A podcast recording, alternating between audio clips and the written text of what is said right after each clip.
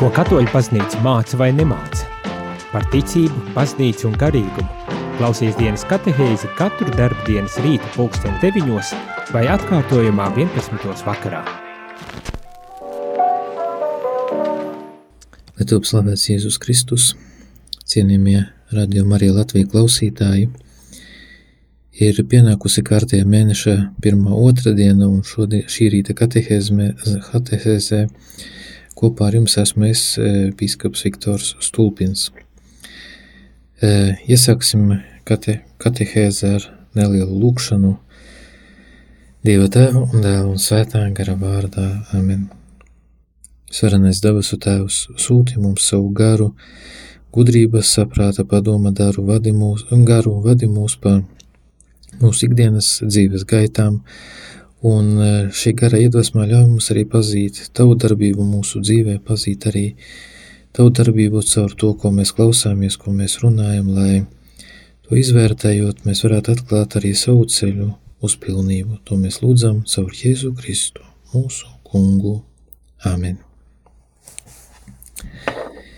Iepriekšējā reizē katehēzē mēs iesākām pārdomas par mērdēšanos, par atsacīšanos, par atteikšanos, kas eh, tīri cilvēciski mums nav nemaz tik viegli, par ko varbūt tā nemaz negribam domāt, bet, eh, kā mēs atklājam, tas ir arī viens no līdzekļiem, kas var palīdzēt mums ceļā uz pilnību, ceļā eh, nonākt tuvāk Dievam savā garīgajā dzīvē. Un es gribētu tādēļ, lai mēs turpinot šīs pārdomas, vispirms tiešām uh, padomāt arī nedaudz viens par otru, atcerētos viens par otru, varbūt arī kādu mazu e, domu lūkšanās veltīt viens par otru, lai mūsu sirdis būtu atvērtas un lai mēs katrs, kur mēs esam, vai tas būtu ceļā uz darbu, vai darbā, vai mājās, vai slimības gūtā, vienalga, kur mēs būtu, lai mēs sajustu šo vienotību šajā brīdī, savstarpēju vienotību un viens otru atbalstītu, E, mūsu kopīgajās pārdomās. Šorīt iesākot katehēzi, e, pacentīsimies atcerēties Kristus pārveidošanās notikumu, kad viņš kopā ar izvēlētiem apustuļiem nokāpa no kalna, tad sastapās ar situāciju, kurā pārējie mācekļi netika galā. Lai arī iepriekš mācekļi jau bija izdzinuši ļaunos garus. Šoreiz viņa bija bezspēcīgi. Jēzus pēc pārveidošanās norāja šo garu, kurš ir iemājis jauneklī. Tu, kurlais un mēmais gars, es tev pavēlu, izēj ārā no tā un neieej vairs tajā. Un tad gars paklausīja bet apstuļi jautāja, kāpēc mēs nespējam to izdarīt. Jēzus atbildēja: Šī suga citādi nevar tikt izdzīta kā tikai ar lūgšanu un gavējot. Gavēnis tā ir mērdēšanās, atteikšanās, atteikšanās no tā, kas ir patīkams, atteikšanās no tā, kas ir derīgs, atteikšanās arī no tā, kas mums ir nepieciešams. Tas var būt un ir arī labs līdzeklis, kā cilvēks spēj no kaut kā atteikties, kaut ko no sevis dot, upurēt savas baudas, savu izdevīgumu, upurēt to, kas cilvēciski ņemot ir derīgs, tomēr to visu atdot Dievam, parādot, ka kāds konkrēts garīgs labums man ir tik svarīgs, tik nozīmīgs, Līdzīgi kā cilvēkiem, kas, teiksim, atdot dzīvību par tēvzemi, par to īpaši domājot šajā mūsu zemē nozīmīgajā mēnesī. Tā mēs esam gatavi upurēt Dievam to, kas mums ir īpaši svarīgs, kam esam pieķērušies, un tā ir zīmē, kas parāda mūsu atgriešanos, mūsu centienus pēc labā, pēc tā, kas garīgi bagātina. Varbūt par, mū, par maz mūsos ir askēzes, atteikšanās, bet vairāk tiekšanās pēc izdevīgā, Taču atcerēsimies, ne jau izdevīgums atpestīja pasauli, bet krusts. Tieši tādēļ, turpinot pārdomas par mērdēšanos, par atsacīšanos, paturēsim prātā, ka, lai uzveiktu mūsu nepilnības, uzveiktu mūsu sliktos ieradumus, grēkus, nepietiek tikai ar apdomāšanu, nepietiek tikai ar lūkšanu, kas abi ir būtiski elementi ceļā uz garīgu izaugsmi. Ir nepieciešama arī dažāda veida mērdēšanās, atsacīšanās un gavēšana. Uz to norāda Kristus minētajā notikumā pēc pārveidošanās, teikdams, šī suga citādi nevar tikt izdzīta kā tikai ar lūkšanu un gavējot. Un pārdomāsim šodien dažas norādes, kas attiecās tieši uz miesas mērdēšanu. Kristietis augstu novērtē savu miesu, jo tā ir cilvēka sastāvdaļa, kuras uzdevums ir palīdzēt sasniegt pestīšanu. Arī Kristus to novērtē, jo paklausot tēvam, pieņēma cilvēka miesu. Svētais gars arī novērtē cilvēka miesu, jo izmanto to, lai dalītu sakramentus.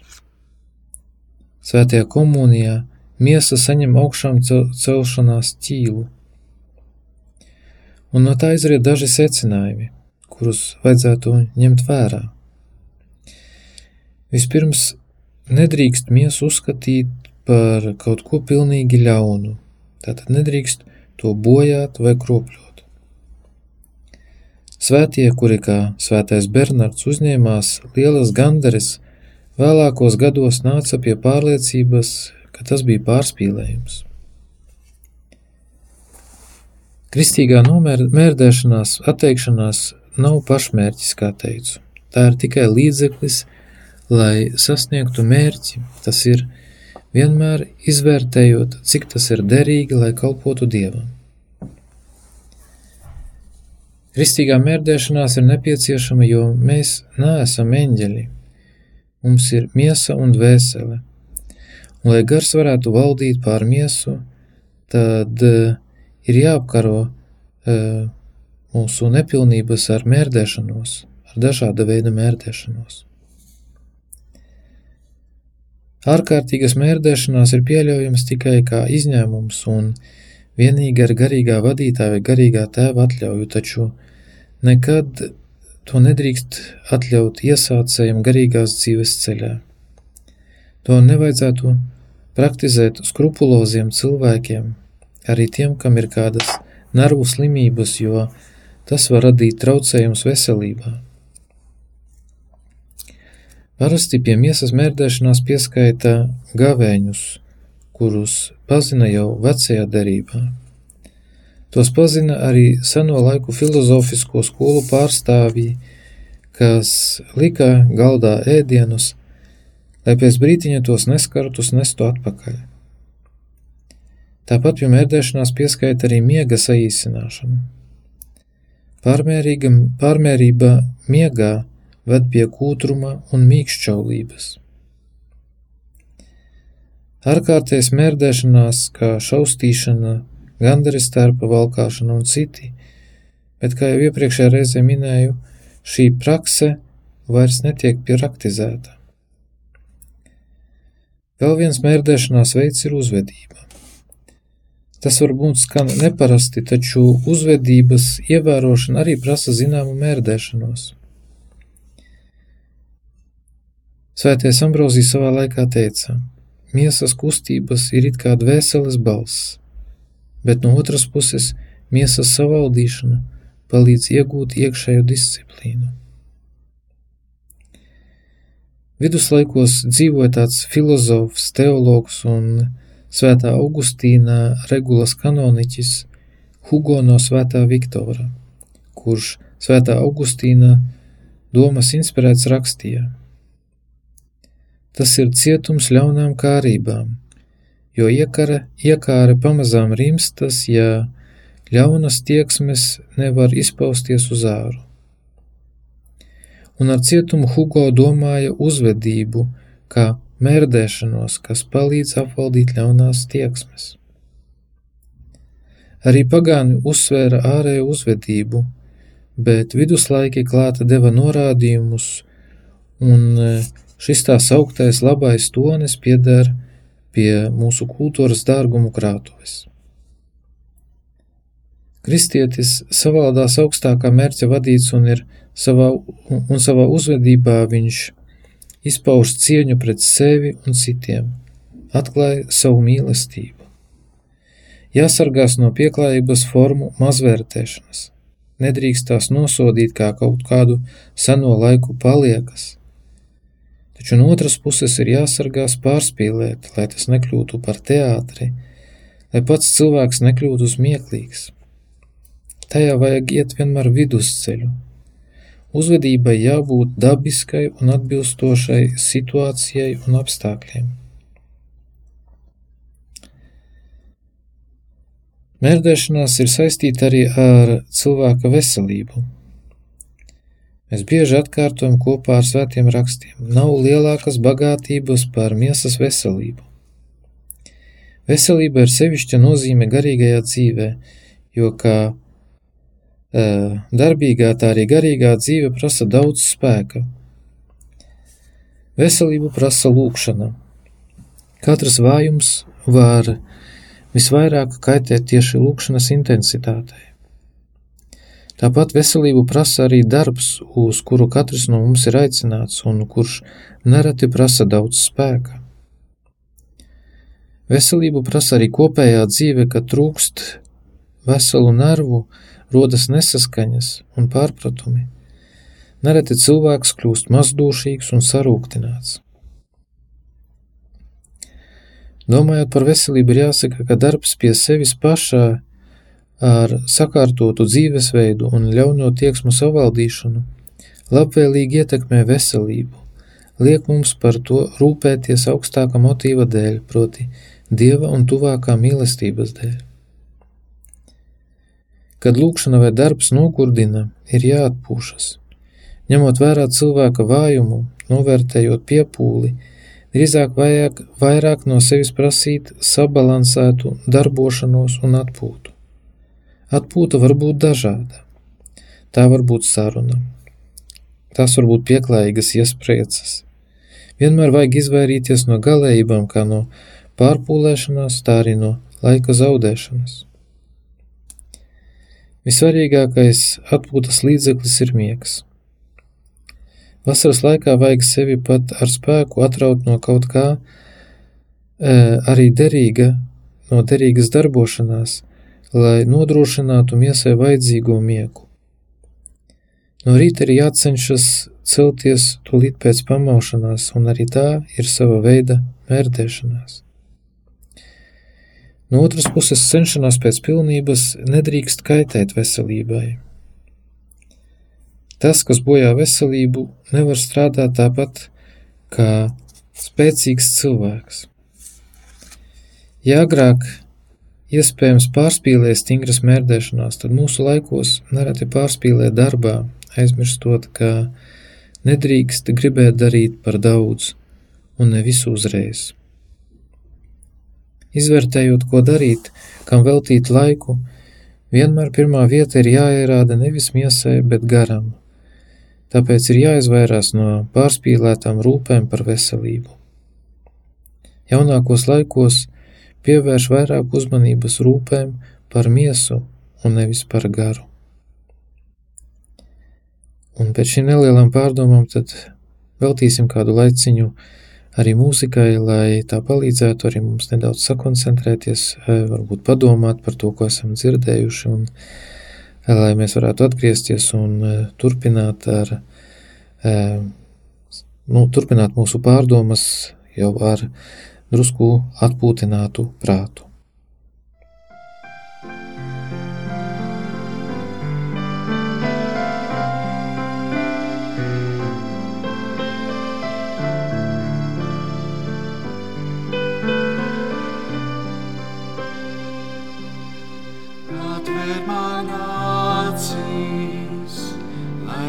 tuvāk un iemīlu viņu.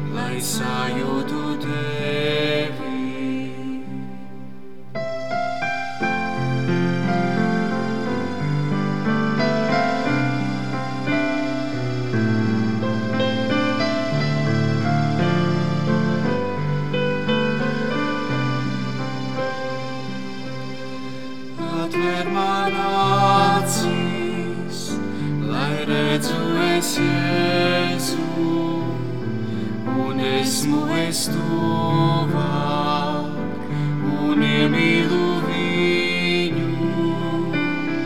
Atver man ausīs, lai varu es dzirdēt,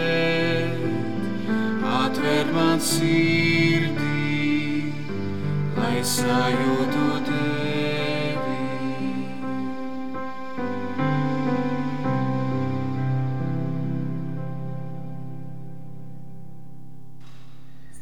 Turpinājumā pārunāsim par maņu jeb jūtekļu mērdēšanu.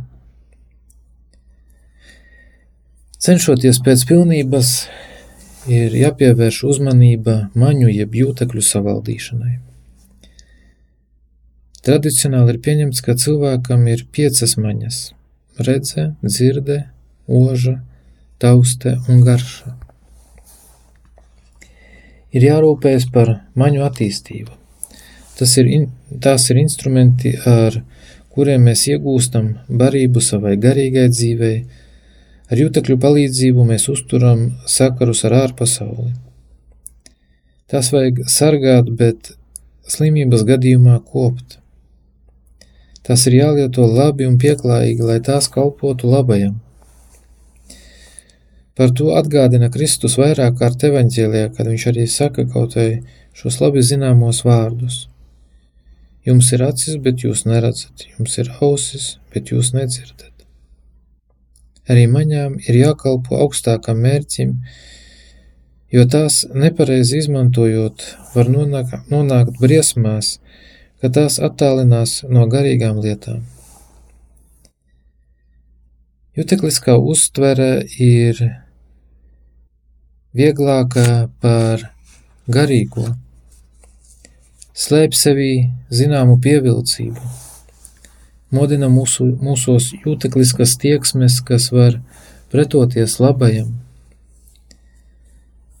Tieksme uz nepakārtotu juteklisko maņu baudu ir sastopama arī pie tiem, kas ir gājuši tālāk garīgajā pilnībā. Iesācējiem vajag strādāt vairāk, jo maņu lietošana pie viņiem ir mazāk sakārtota. Svētie dzīvoja atsacīšanās dzīvi, maņas lietojot par tik, par cik to lietošana nesa viņiem garīgu labumu. Un tās lietojot, vienmēr pacēla savu garu skatu uz augšu, jo viņi, ja viņiem neizdevās to pacelt, tad viņi labāk atteicās no jutekļu, no maņu lietošanas. Tagad pievērsīsimies atsevišķi katrai no maņām. Pirmā ir redze. Redze tāpat kā dzirdē, ir maņa, kas mums sagādā visvairāk informācijas un iespaidu. Tāpēc to vajag lielākā mērā izkopt un savaldīt. Briesmas no redzes puses ir tās, ka acis tieši saskaras ar priekšmetu, tāpēc vairāk iedarbojas pievilcība, kas modina iekāri.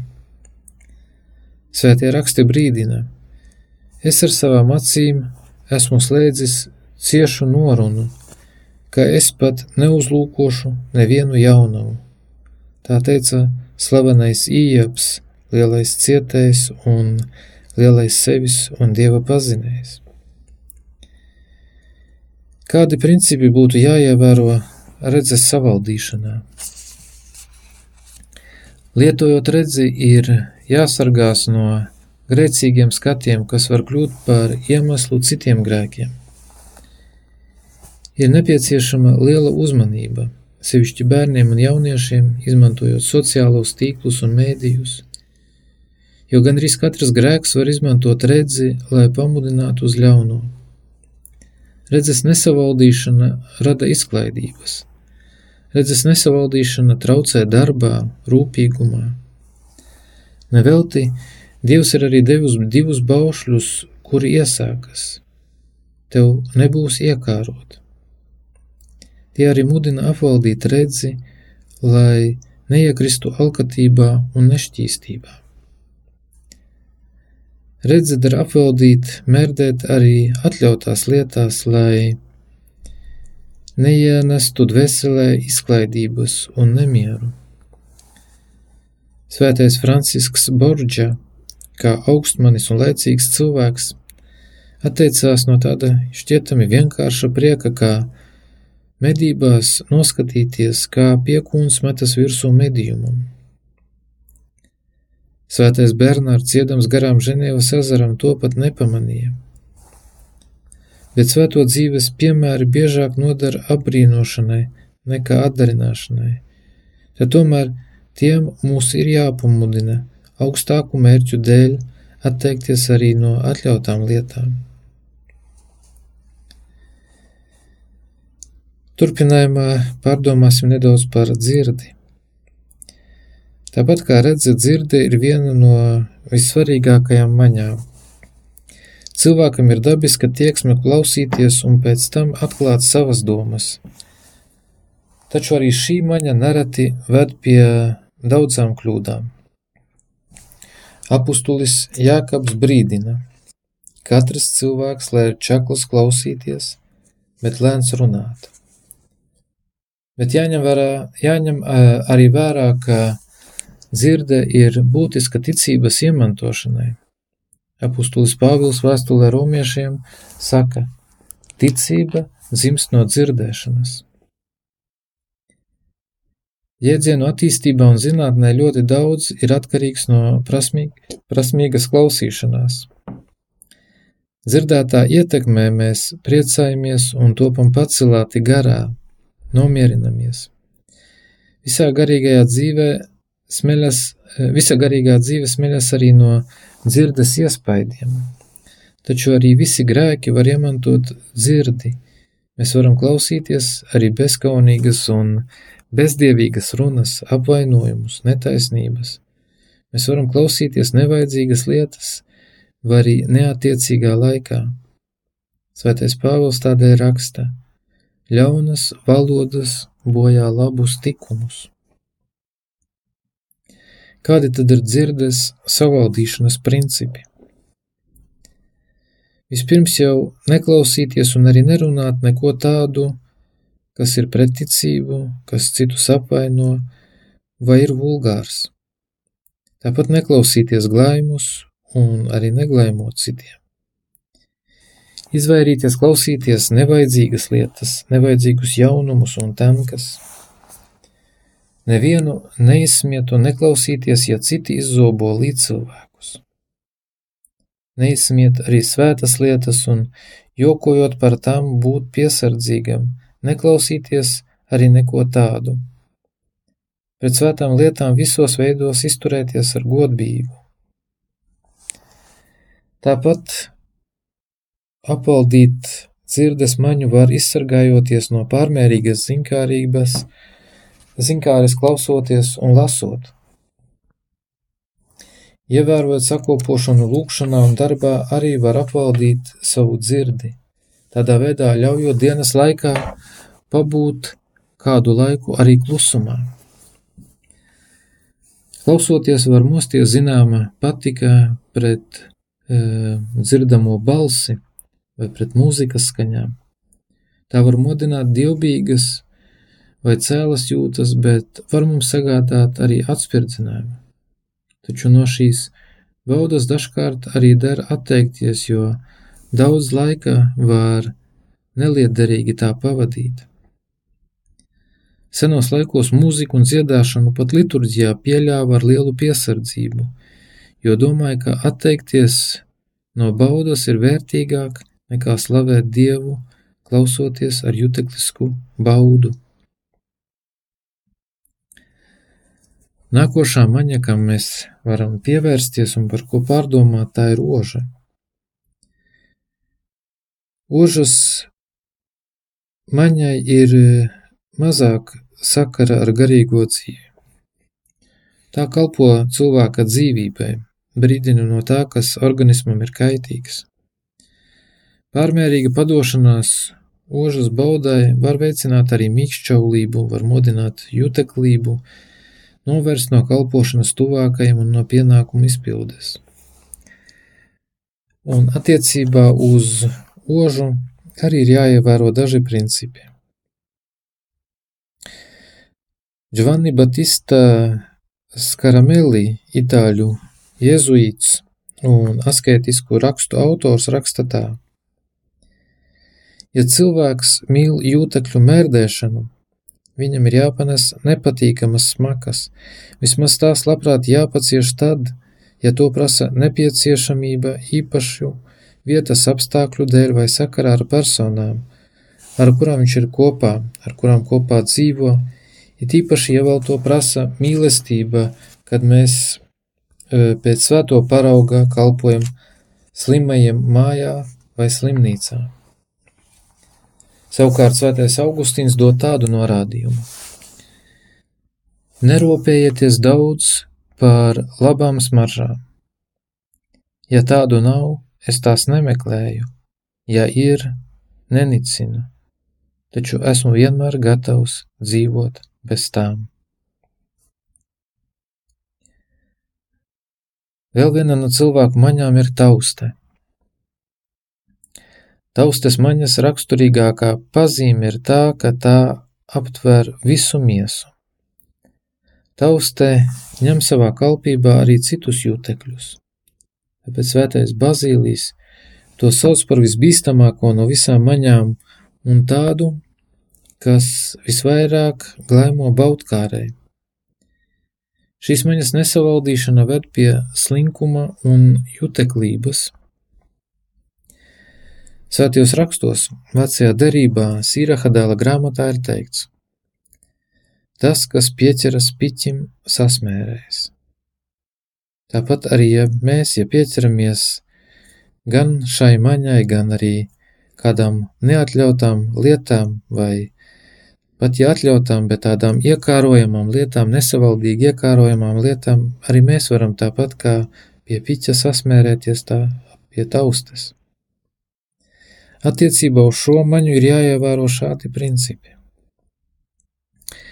Vienmēr ir jābūt uzmanīgiem ar glāstiem, apskāvieniem un pieskārieniem. Nevajag meklēt arī tikai mīkstus un ērtus sēdekļus un gultas, un Nedrīkst izrādīt neapmierinātību, ja tādu nav. Ja nevar dabūt piemērotas apģērbus un apavus, neizvairīties kādu laiku lietot arī netik ērtus. Pacietīgi panest nērtu stāvokli, kas ir saistīts ar pienākumu izpildi. Tāpat apvaldot taustas maņu, ir jābūt pacietīgam panesot augstumu un karstumu, kad citādi nemaz nav iespējams. Un arī šajā brīdī aiziesim nelielā Muzykę z.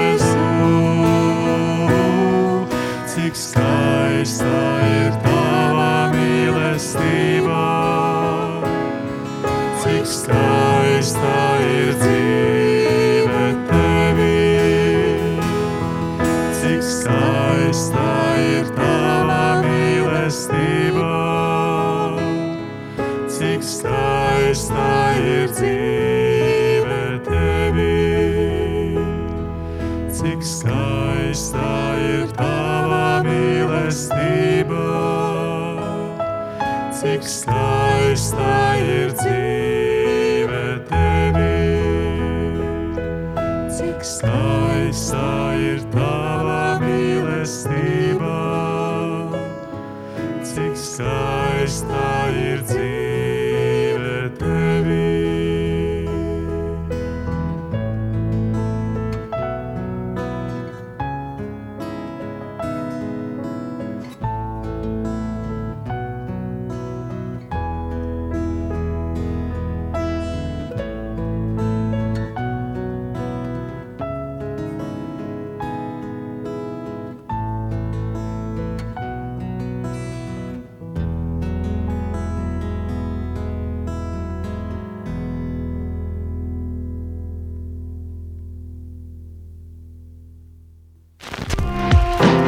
klausāties dienas katehēs, kas ir iespējama pateicoties jūsu ziedojumam. Paldies! Turpinājumā pievērsīsimies garšas maņai. Garšas maņai tās mērdēšana galvenokārt attiecas uz ēšanu un dzeršanu. Ēdiens un dzēriens kalpo dzīvības uzturēšanai un attīstībai, reizē sniedzot arī zināmu baudu. Un mums ir jārūpējas par uzturattiecīgo, uzturattiecīgo daudzumu un kvalitāti, lai tajā nebūtu nec pārmērību, nec trūkuma. Dievs saistīja ar ēšanu zināmu baudu, kurai vajag palīdzēt cilvēkam uzņemt uzturu. Ja cilvēks baudas dēļ pārkāp mēru ēdiena daudzumā vai kvalitātē, vai arī ēšanas veidā, viņš grēko. Tā ir nesātība ēšanā vai dzeršanā, pārmērīga izdabāšana savai garšai vai pat pārēšanās. Senajos laikos, kad liels uzsvars tika likts uz dažādām ārējām mērdēšanās praksēm, daži svētie, kā piemēram svētais Jānis Marija Vianējs, lai valdītu pār garšas kārdinājumu, ir kādreiz ēdis vairākas dienas agrāk vārītus kartupeļus, kas jau bija nedaudz iebā, iebojājušies. Šodien mēs zinām, šādas lietas vairs nepiekopja, bet jebkurā gadījumā ir jāmācās valdīt arī pār garšu. Svētais Toms, sakojot svētajam Gregoram Lielajam, uzskaita grēku sešanā. Proti, grēku sešanā var būt, kad tu to dari neatiecīgā un nepiemērotā laikā, kad tiecies un lieto pārmērīgi dārgus ēdienus, kad ēd pār daudz, kad e, ēd kārīgi un kad ēd tā pārāk izmeklēti, pārāk grezni Pretstats tam visam ir paša, pašsavaldīšanās, nomērtēšanās vai gavēnis. Bet kādēļ ir jāpalda garšas maņa? Tas, ka cilvēks pats var uzņemt barību, ir dieva dota spēja, un lai šī spēja kļūtu par līdzekli, līdzekli pestīšanai, vai lai tā kļūtu par līdzekli ceļā uz garīgo pilnību, tad ir jāpalda kārība pēc garšīgā, un caur to kļūst redzama arī paša cilvēka cieņa. Nesātība ēšanā ved pie jutekliskiem grēkiem. Apustulis Pāvils vēstulē efeziešiem raksta: Neapraibinieties ar vīnu, jo tanī slēpjas izvērtība, un, kā saka svētais Toms, tas pat ved uz elgdievību. Tāpat sakojot svētajam Gregoram Lielajam, svētais Toms uzskaita arī e, nesātībai ēšanā šādas sekas. Kā tas, e, šī nesātība ēšana var panākt gara trulumu, panākt neapvaldītu jautrību, pļāpību, izklaidīgu uzvedību. Neves, e, pateicoties tam, rodās arī veselības traucējumi. Daudzas slimības rodas no nesātības ēšanā un dzeršanā. E, vecajā derībā kāds gudrs cilvēks rakstīja: Ēd, kas ir nolikts tavā priekšā, kā cilvēks neesi nesātīgs. Cik maz ir pietiekami labi audzinātam cilvēkam. Sātība kalpo veselībai. Jau minētais gudrais vecajā derībā saka, no pārēšanās ceļas slimības, vai arī tālāk daudzi nomira pārēšanās, no pārēšanās toties sātīgais pagarina savu mūžu. Kādreiz televīzijā arī redzēju kādu raidījumu, kur tika intervēts kāds ilgadīgs ilgdzīvotājs šķiet Gruzijas kalnos. Kad viņam jautāja, kā viņš sasniedza tik lielu vecumu, kāda ir viņa recepte, tad viņš atbildēja, ka no galda viņš vienmēr pieceļas ar nelielu izsalkuma sajūtu.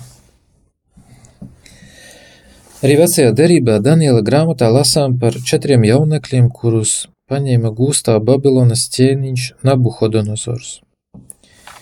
Ķēniņš lika jaunekļus barot no ķēniņa galda, ar izmeklētiem ēdieniem, bet viņi lūdza, lai dod viņiem barību kāda, kas būtu saskaņā ar Dieva dotajiem priekšrakstiem, un izrādījās, ka pēc pārbaudījuma laika šie jaunekļi salīdzinot ar citiem, kuri ēda no ķēniņa galda, izrādījās labāki un veselīgāki.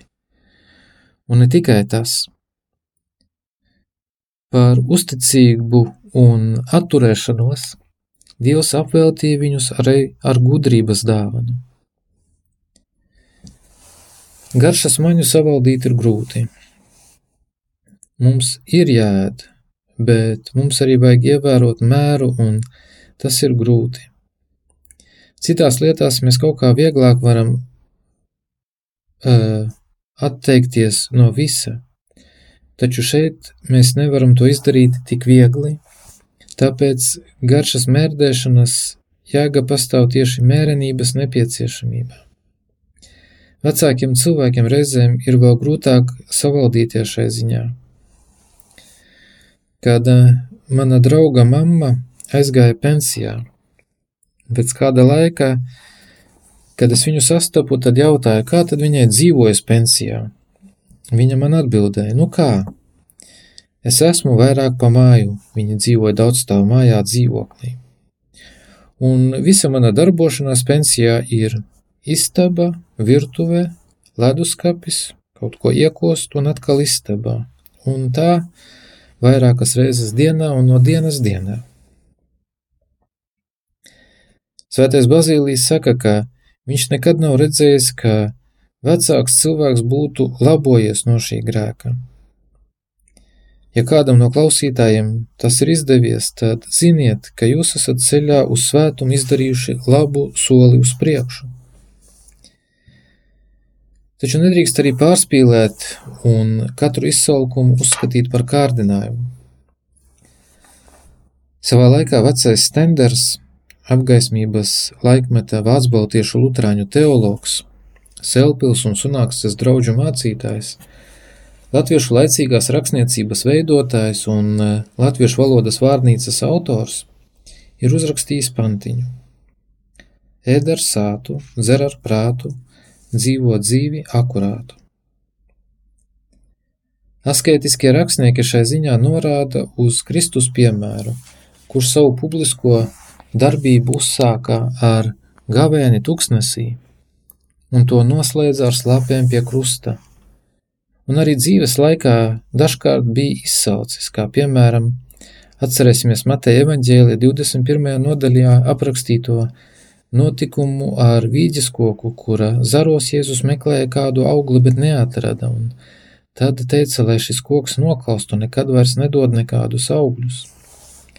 Tāpat atcerēsimies, kad mācekļi aizgāja pēc pārtikas. Viņš mācekļiem teica pēc satikšanās ar samarieti pie akas, ka man ir ēdiens, ko jūs nepazīstat. Par to raksta Jānis savā evaņģēlijā 4. nodaļā. Dažas lietas, kuras mums, kuras var ievērot maltītes laikā, vispirms domājot par daudzumu, jo uzturam ir jābūt tādam, lai tas dotu spēku izpildīt pienākumus. Tātad nedrīkst ņemt ne par daudz, ne par maz barības, ne izšķērdīgi, ne arī pārāk skopi.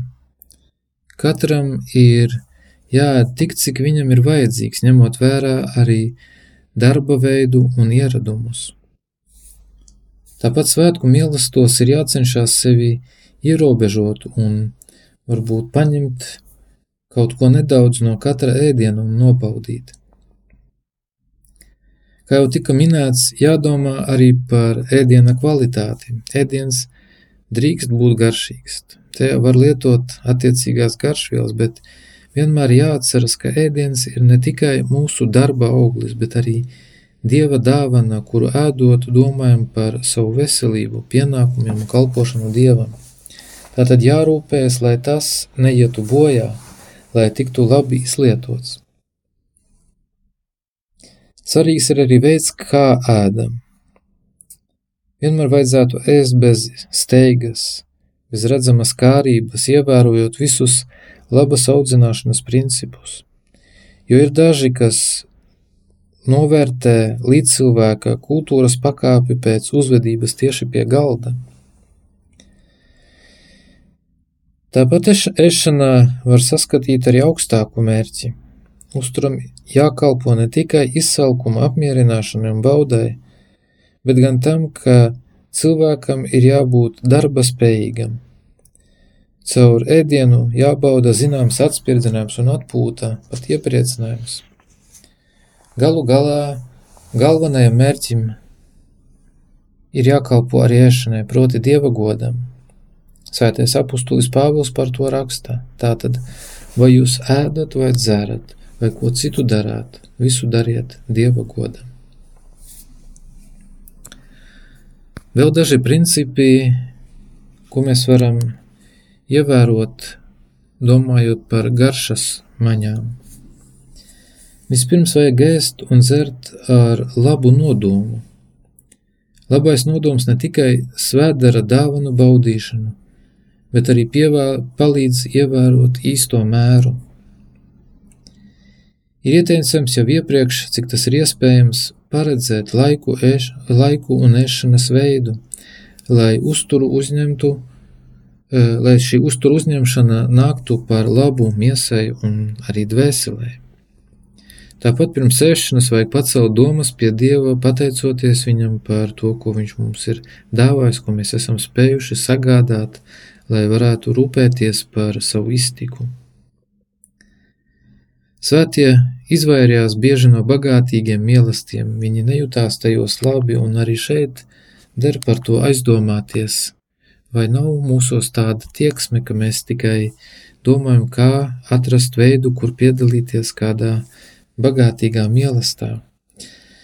E, bet vispārējais princips ir tāds, ka uzturs ir jāuzņem tā, lai varētu izpildīt visus pienākumus, gan pret Dievu, gan pret tuvāko, gan pret sevi pašu. Un e, tas arī šajā reizē būtu tā kā viss, tādas ir šīs pārdomas par mūsu cilvēciskajām maņām un to, kas ir jādara – lai tās kalpotu mūsu pestīšanai.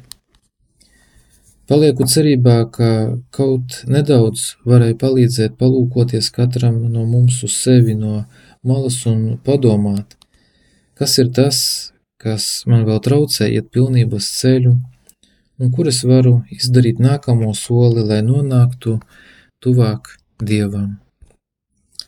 Novēlu jums skaistu šo dienu, lai Dieva svētība un žēlastība jūs visus pavada, un e, lai mēs visi varam kopā e, katru jaunu dienu vēl vairāk tuvoties Dievam. Paldies! Izskanēja dienas katehēs. Ja šī katehēze tev šķita vērtīga, tad atbalsti ziedojot. Paldies!